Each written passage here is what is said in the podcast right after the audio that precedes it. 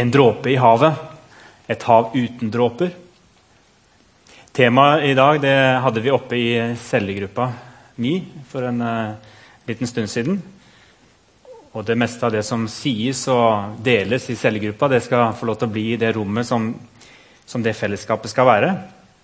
Men jeg har bare lyst til å, å dele det som Tor Olav åpnet med. Vi var hjemme hos Tor Olav og Katrine, og han åpnet med den teksten fra Jesaja 55 som vi har hørt. For lik regn og snø som faller fra himmelen og ikke vender tilbake dit, før de har vannet jorden, gjort den fruktbar og fått den til å spire, gitt såkorn til den som skal så, og brød til den som skal spise. Slik er mitt ord som går ut av min munn. Det vender ikke tomt tilbake til meg, men gjør det jeg vil, og fullfører det jeg sender det til. Og Olav han var opptatt av den snøen som faller fra himmelen. Her snakker vi om langsiktighet, om tålmodighetsarbeid. Om det som er så lite at det knapt nok registreres. Snøen som lander på overflaten, og som jorda ikke kan nyttiggjøre seg før våren kommer og temperaturen stiger. Da omsider så begynner snøen å smelte, og noe av den trekker ned i jorda og får omsider lov til å gjøre sin virkning. Den vanner, gjør den fruktbar, får jorda til å spire i samarbeid med alle de andre faktorene som utgjør vekstprosessene. Slik er mitt ord som går ut av min munn. Det vender ikke tomt tilbake til meg, men den gjør det jeg vil, og fullfører det jeg sender det til. De som har fulgt meg nært eller på avstand gjennom denne vinteren, de vil vite at jeg har hatt en sykdomsperiode. Tungsinn, nedstemthet, moderat depresjon, som etter hvert tok all energi. Og det eneste som fikk lov til å blomstre en stund, det var selvopptattheten. Hvis jeg er et jordsmonn, så, så prellet det aller meste av.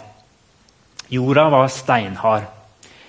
Også bibelordene, formidlet gjennom egen lesning, lytting til taler eller i møte med omsorgsfulle venner, prellet av og fant oftest ikke veien inn.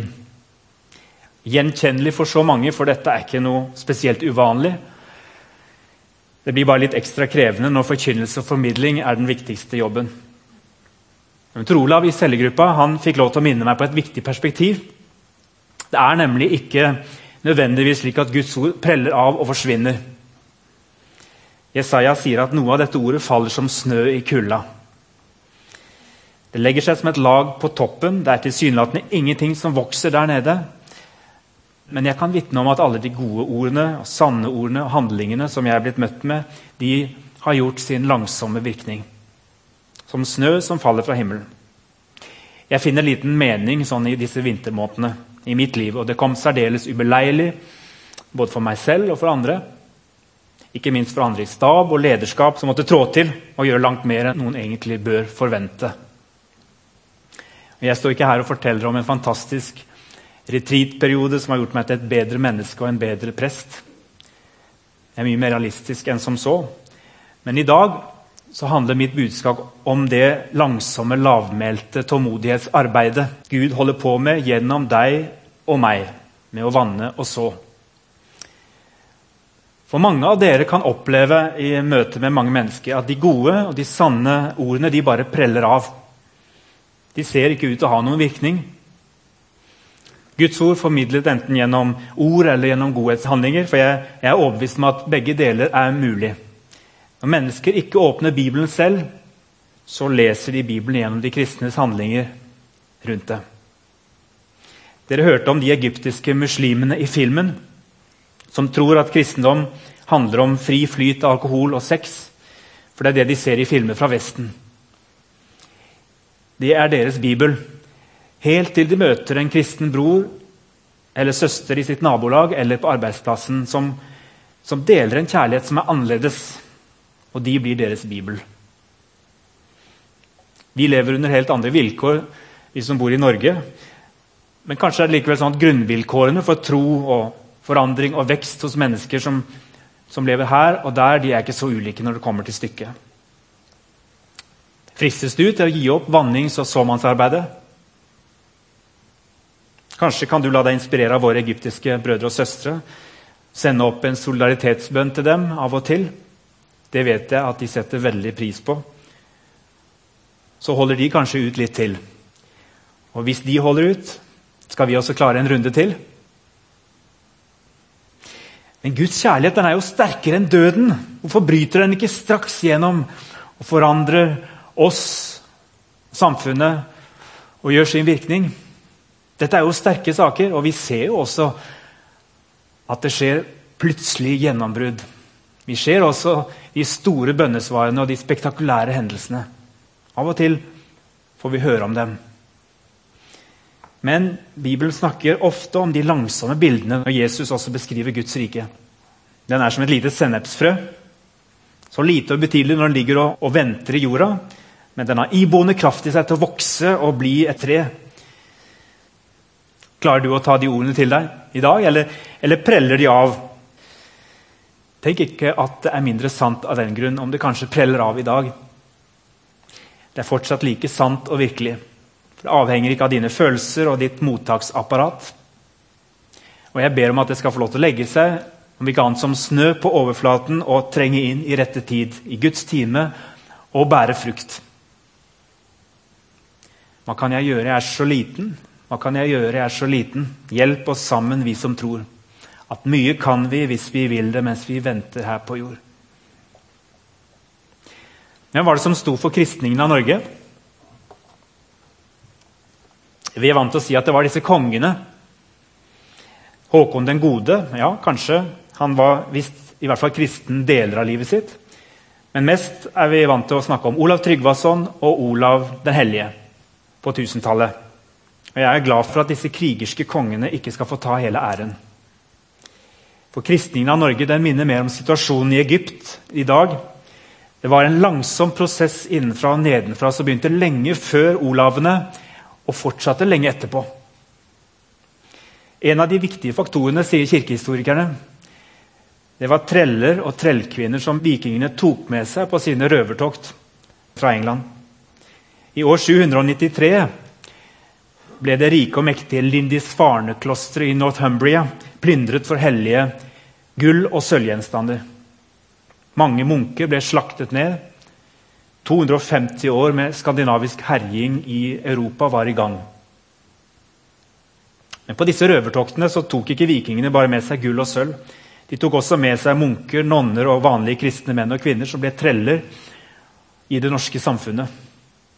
De fikk langsomt lov til å påvirke samfunnet innenfra som dråper i havet eller snø og vann på overflaten av jorda. Noen fikk ansvar for barnepass og oppdragelse og kristne fortellinger og kristen moral piplet ned i det norske jordsmonnet. Skjønner dere at når viktige menn trår fram på historiens scene, så, så var det mange anonyme slitere som i praksis gjorde grovarbeidet? Slik er mitt ord som går ut av min munn. Det vender ikke tomt tilbake til meg, men gjør det jeg vil, og fullfører det jeg sender det til.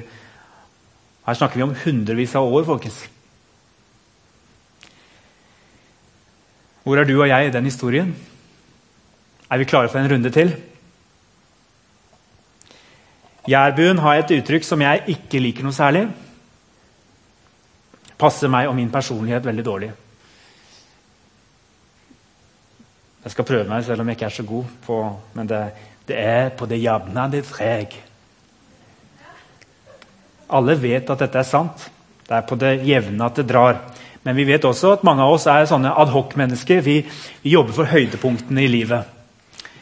De store begivenhetene og arrangementene. Bymenigheten har en stolt tradisjon for kreative stunts og inspirerende begivenheter. Jeg tror både konfirmasjonsgudstjenestene og godhetshelga i mai var, var sånne høydepunkt for mange av de som var med. Det samme var showit-gudstjenesten sist søndag. Mange av oss lever og ånder for å være med på å skape sånne øyeblikk. Det skal vi fortsette med. Og så betyr det ikke at det ikke også er sant at det er på det jevne det dreg. I hverdagen for havet det, det består av disse dråpene, og Guds rike vokser langsomt. Her skal dere få en annen sammenligning som jeg vil at dere skal tenke litt over. og Den delte jeg med på samlinger for tjenestegruppene i bymenigheten for en liten stund siden. Her ser dere Wilson Kipsang. Han er kenyaner. Han har verdensrekord på maraton. To timer, 3 minutter, 23 sekunder. Satt i Berlin september 2013. Han hadde den da i, i 2013. Men så kom han Dennis Kimetto. Han er også kenyaner. Han tok verdensrekord på maraton på 2 timer, 2 minutter og 57 sekunder i Berlin september 2014. Men det står fortsatt som verdensrekord. Så De to de har da knivet om å være best i maraton nå en god stund. Men Eliud Kipchoge, også kenyaner, han sneik seg jammen inn foran Kipsang og Kimetto i London Maraton nå i april. Tok ikke verdensrekord. Han blir å regne med framover. Husker dere disse folka? Hadde dere hørt om dem? Ja, det er sikkert Noen som har hørt om dem. Noen er spesielt interessert i friidrett og følger med på hvem som springer raskest på lengst distanser i verden. Men det er ganske lett å huske. De kommer stort sett fra Kenya, og de har navn som begynner på K. De beste og seigeste langdistanseløperne i verden, som jeg syns egentlig imponerer meg mest av alle idrettsutøvere, de sliter jeg med å komme på navnet på. Og jeg, har engang ikke nevnt disse kvinnene, som jo er minst like imponerende. Han her, derimot, han husker jeg i hvert fall. Usain Bolt, verdens raskeste mann på 100 meter. 9,69 sekunder var hans verdensrekord, tatt 16.8.2009. Og han har ikke klart å overgå seg selv enda. I fjor var han skada, men han skal være på vei tilbake nå og begynner å vinne løp både på 100 meter og 200 meter. Dere ser på hele stilen at han kommer fra Jamaica og er minst like mye en performanceartist som en idrettsutøver. Og vi husker han. Det er gøy å få med seg de få sekundene da han springer fram og beviser at eh, han, han er en av de mektigste kortdistanseløperne verden har sett. Jeg vet ikke om du kjenner mest slektskap med maratonløperne eller med 100-metersløperne. og Jeg vet egentlig ikke helt hvorfor det er så mye lettere å, å huske dem enn disse maratonløperne. Disse som springer på 100 meter. Kanskje er det fordi det varer så kort, og vi slår på og vi kan følge med, men vi gidder ikke å følge med i de to timene disse maratonløperne skal springe. Og Så slår vi kanskje på, og så ser vi da akkurat de samme minuttene, og så syns vi det går utrolig treigt. Nei, nå slår vi over på noe annet. For vi har jo gått inn på akkurat det samme tidsrommet og sett maratonløperen springe i en ganske sakte rytme Ser dere poenget? I Guds rike så trenger vi både de spektakulære 100-metersløperne og maratonløperne. Dette er ikke en, en hyllest til middelmådighet i Guds rike. Men det er faktisk en erkjennelse av at for de av oss, for de som er kalt til å løpe maraton, så må faktisk lista legges lavere i øyeblikket. Det vi gjør de neste to-tre minuttene, kan ikke være det samme som han som skal springe 100 meter på raskest mulig tid.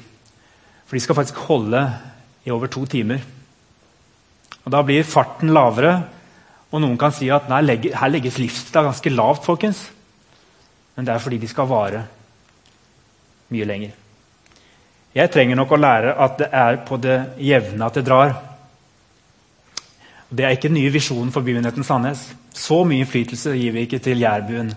At vi sier den nye visjonen er det er på det jevne at det drar. folkens. Men men like fullt et uhyre viktig ord til alle oss som tross alt har flest hverdager i livet. I familien, på arbeidsplassen, i nabolaget. I alt det mangfoldige som utgjør det trofaste menighetsarbeidet. Både, både det organiserte her og det som skjer der ute.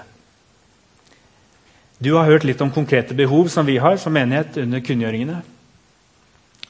Vi trenger både 100-metersløpere og maratonløpere og alle de av oss som befinner oss et sted midt imellom. Et par av våre beste maratonløpere, Sissel Bø og Lill Irén Lauvås, de har nå takket av etter mange års trofast tjeneste i Jungelgjengen. Mange år. Og Det er ikke sikkert de som skal erstatte dem, klarer å løpe et helt maraton sånn som de har gjort. Men vi trenger noen som kan løpe en distanse. Eller to.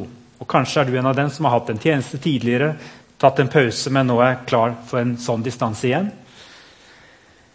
Ta gjerne en kikk på bordet bakerst før du går ut av gudstjenesten i dag, og se og be over om det kan være aktuelt. Skrive seg på, få litt mer info, og kjenne etterpå om det er noe du kan åpne deg for å gå inn i. I kortere eller lengre tid. Der er det forskjellige typer tjenester av forskjellig omfang. Et av de mest inspirerende og kraftfulle avsnittene jeg vet om hos Paulus, de skal få lov til å avslutte denne talen og følge dere inn i sommeren, inn i dagene som kommer. Fra Filipperne kapittel 3. Og fokuset hans her er det som så veldig lett tror jeg skjer når vi snakker om tjenester eller oppgaver i Guds rike, at vi fokuserer på oss selv og hva vi har av kvalifikasjoner eller ytre, ytre ting å skryte av, eller ikke kjenner at vi har. Denne sammenligningen med hverandre når vi står skulder ved skulder i Guds rike, den kan ødelegge for veldig mye av det Jesus hadde tenkt og planlagt. Men Paulus han viser oss i dette sterke avsnittet at det handler ikke om det. Hvis vi får lov til å frigjøre oss litt fra oss selv, så kan Gud bruke oss akkurat sånn som vi er. Og da skjer Guds rikes vekst. I voldsomme episoder og hendelser eller i det skjulte langsomme som få av oss kanskje legger merke til og får lov til å innkassere selv. Ytre sett har jeg grunn til selvtillit, og om andre mener de kan sette sin lit til det ytre, kan jeg det enda mer.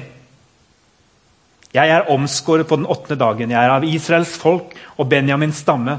Hebreer av hebreere, lovlydig fariseer, en brennende ivrig forfølger av kirken, uklanderlig i min rettferdighet etter loven. Men det som før var en vinning for meg, det regner jeg nå for Kristi skyld som tap. Ja, jeg regner alt som tap, fordi det å kjenne Kristus, Jesus min Herre, er så mye mer verdt. For hans skyld har jeg tapt alt, og alt jeg har tapt, regner jeg som verdiløst skrap, bare jeg kan vinne Kristus og bli funnet i ham. Ikke med min egen rettferdighet, den som loven gir, men med den rettferdigheten jeg får ved troen på Kristus. Det er rettferdigheten fra Gud, bygd på tro. Da kjenner jeg ham og kraften av hans oppstandelse. For del i hans lidelser, blir ham lik når jeg dør som han. Måtte jeg bare nå fram til oppstandelsen fra de døde. Jeg mener ikke at jeg alt har nådd dette, eller alt er fullkommen. Men jeg jager fram mot det for å gripe det, fordi jeg selv er grepet av Kristus Jesus. Mine søsken, jeg tror ikke om meg selv at jeg har grepet det. Men én ting gjør jeg. Jeg glemmer det som ligger bak, strekker meg etter det som er foran, og jager fram mot målet. Mot den seiersprisen som Gud fra det høye har kalt oss til i Kristus Jesus. La oss tenke slik, alle vi som har nådd fram til modenhet. Og om dere ser annerledes på noe, skal Gud gi dere klarhet også i det. La oss bare, så langt vi er kommet, fortsette i samme spor. Himmelske Far, som krybber åpner jeg meg for deg. Under ditt kors jeg bøyer meg med kraften fra din oppstandelse. Jeg følger deg. Amen.